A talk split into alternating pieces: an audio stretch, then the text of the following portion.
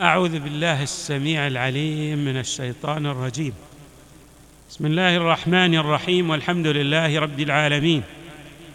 والصلاة والسلام على أشرف الخلق سيدنا ونبينا محمد وآله أجمعين الطيبين الطاهرين.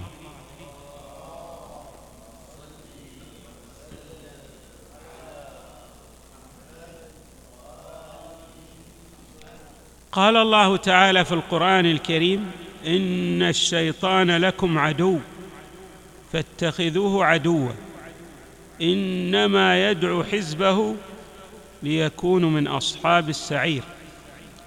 صدق الله العلي العظيم. هناك آيات متعددة في القرآن الكريم تحذر من الشيطان.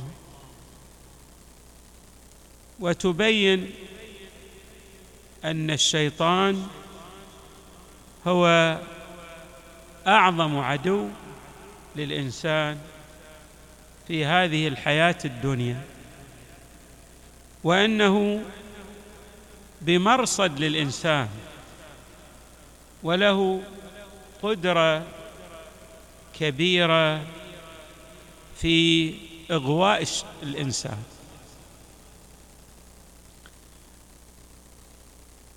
وتفصح هذه الآيات المباركة والكريمة على أنه هو الذي أخرج آدم وزوجه من الجنة. وأن الشيطان أيضا هو الذي أخذ عهدا على نفسه ليضل هذا الإنسان. وأن الشيطان أيضا له قدرة على الإتيان للإنسان من بين يديه ومن خلفه وبالتالي يستطيع أن يغوي هذا الإنسان وأن يحرفه عن الصراط السوي والمستقيم. والله تبارك وتعالى في القرآن الكريم قال أيضا ألم أعهد إليكم يا بني آدم ألم أعهد إليكم يا بني آدم الا تعبدوا الشيطان وأن اعبدوني هذا صراط مستقيم بمعنى أن الشيطان له القدرة على توجيه الإنسان لعبادته. يجعل الإنسان بدل أن يعبد الله تبارك وتعالى يعبد هواه يعبد الشيطان يسير في الطريق الأعوج. بدل من السير في الصراط السوي والمستقيم. الشيطان هو تلك القدرة القوية والمقتدرة والتي لها أعوان أيضا. تستطيع أن تهيمن على الإنسان إذا لم يحترز الإنسان من هذه القوة. لم يبتعد عن هذه القوة لم يحصن نفسه بالله تبارك وتعالى. أريد أن أقرب معنى الشيطان. الإنسان له خواطر أفكار داخلية. هو يرى نفسه دائما أنه يتحدث مع نفسه. ويدرك الإنسان من خلال حديثه مع نفسه أن بعض الحديث هو حديث رحماني. يدعوه إلى الله وينتشله من الخلود إلى الأرض ويعلو به إلى مقام سامق وسامي. وبعض الحديث الآخر الذي يتحدث به مع نفسه يراه أن هذا الحديث يرسف به إلى الأرض ويشده بأغلال ويدعوه إلى الخروج عن ربقة الإيمان عن السير في الصراط السوي. إذن الحديث الذي يتحدث به الإنسان مع نفسه على قسمين. قسم من يأتي كإلهام من الملائكة. ولهذا الإلهام الرحماني أسباب متعددة. منها أعمال الخير الأدعية التي يدعو بها غيرك لك. كل عمل صالح تقوم به يؤثر تاثيرا ايجابيا في دعوتك إلى الخير وستجد اثارا من هذه الاثار الحديث الرحماني الذي تتحدث به مع نفسك والذي يأتي كإلهام من الملائكة الموكلين بك. والعكس صحيح. الإنسان عندما يقوم بذنب بل حتى إذا لم يعمل عملا صالحا تضعف شخصيته المعنوية فيتسلط عليه الشيطان ويجره إلى ربقته يربطه به بدل أن يرتبط بالله بدل أن يسير في الصراط المستقيم يسير في الصراط المعوج والعياذ بالله. ممكن أن نعبر عن هذا الحديث النفساني الذي يجر الإنسان إلى الصراط غير السوي أنه هذه قدرة الشيطان على الإنسان. فاذا الإنسان يدرك في حقيقة نفسه أن عنده حديث رحماني جاء من أعمال الخير الصادرة عنه ومنه وعنده إلهام أو إيحاء شيطاني. هذا الإيحاء الشيطاني له قدرة كبيرة على الإنسان. أن يحرف الإنسان عن السير في جادة الصواب. والقرآن الكريم في كل الآيات التي تذكر الشيطان يحذرنا من أن يسيطر علينا هذا الإلهام أو الإغواء أو الحديث الذي نتحدث به مع أنفسنا وندرك أيضا الله أعلمنا أن هذا الحديث يجرنا إلى السوء وذاك الحديث الآخر المغاير له يأخذ بأيدينا إلى الخير. هناك حديثان متضادان. أحدهما يدعو إلى الله والآخر يدعو إلى الشيطان. هذه هي قدرة الشيطان. طيب الإنسان كيف يتخلص من هذه القدرة الهائلة التي يتسلط بها الشيطان على نفسه؟ لأن هذه القدرة الهائلة تدعوه إلى اقتراف الذنوب.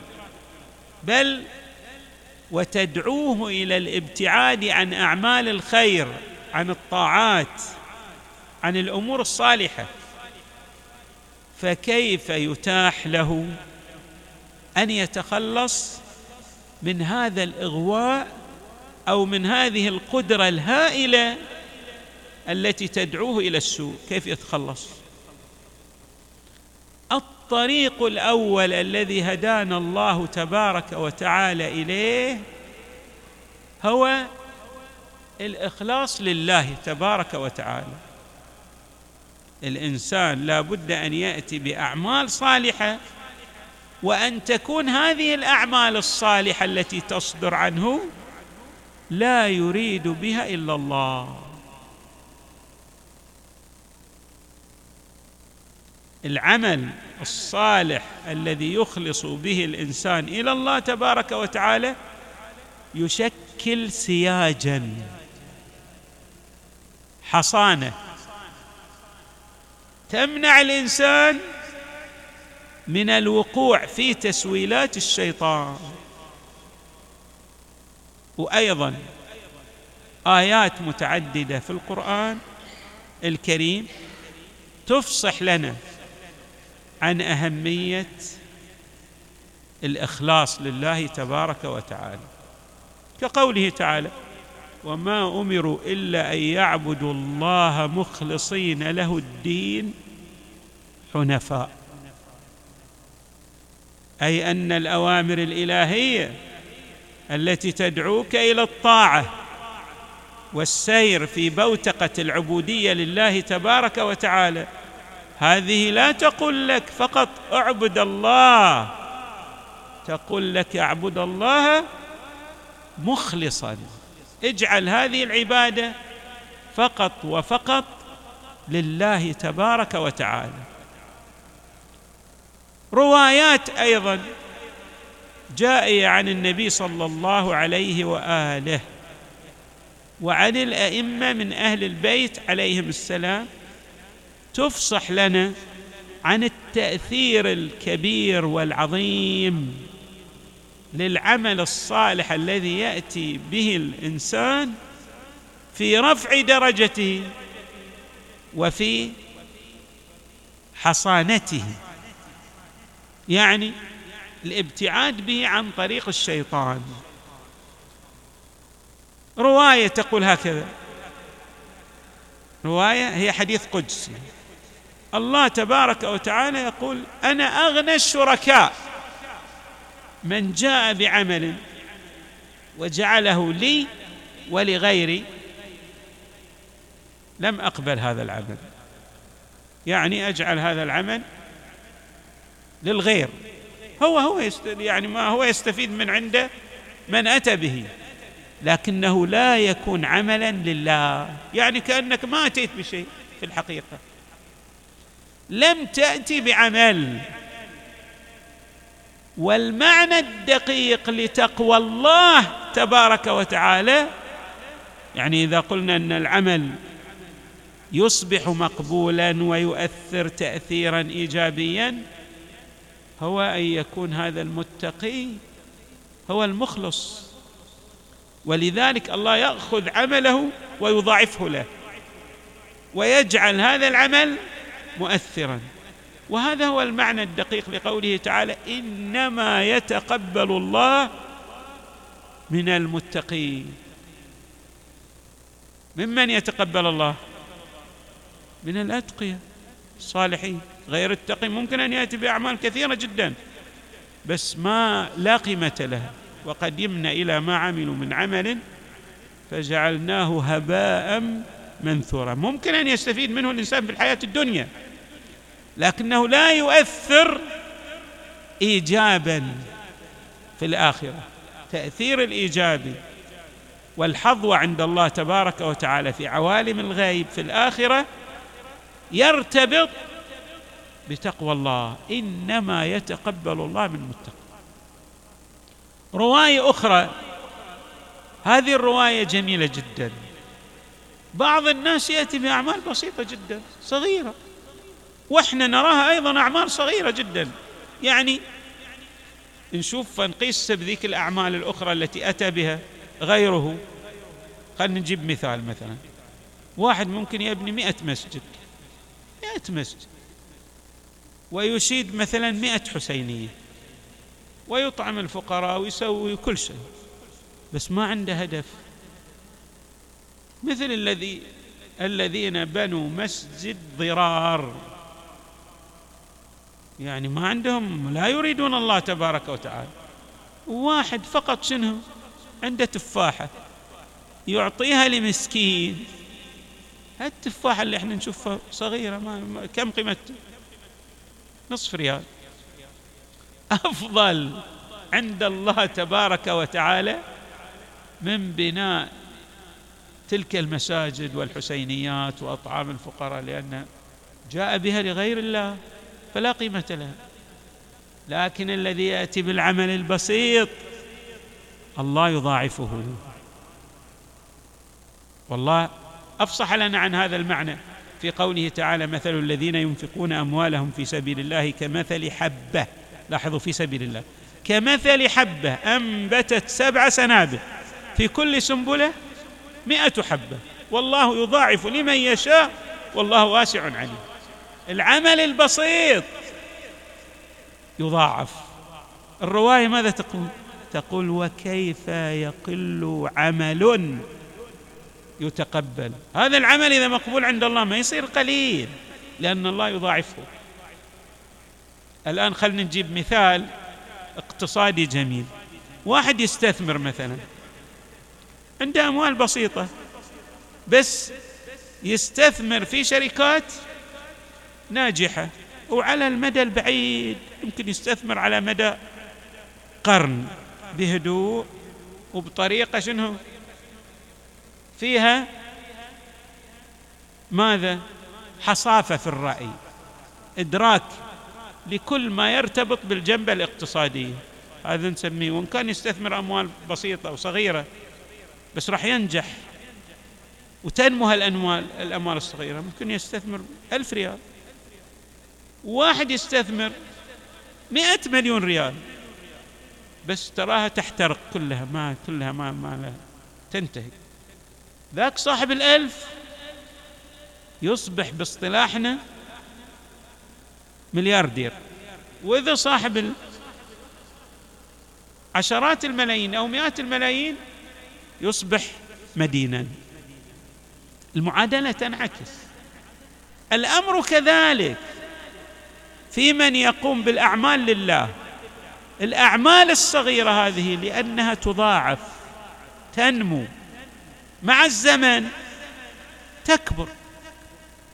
الأعمال الكبيرة التي لا ترتبط بالله لا يأتي بها الإنسان مخلصا لله تذهب سدى هباء منثورا.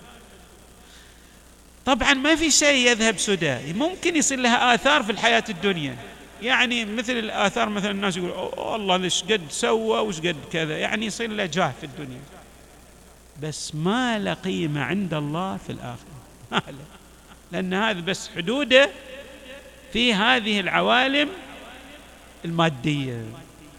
عوالم الغيب ترتبط بالإخلاص. وهذا الإخلاص الذي ينجو به الإنسان من مكر الشيطان وكيده. اذا الإنسان إذا أراد أن يتخلص من أوضار الذنوب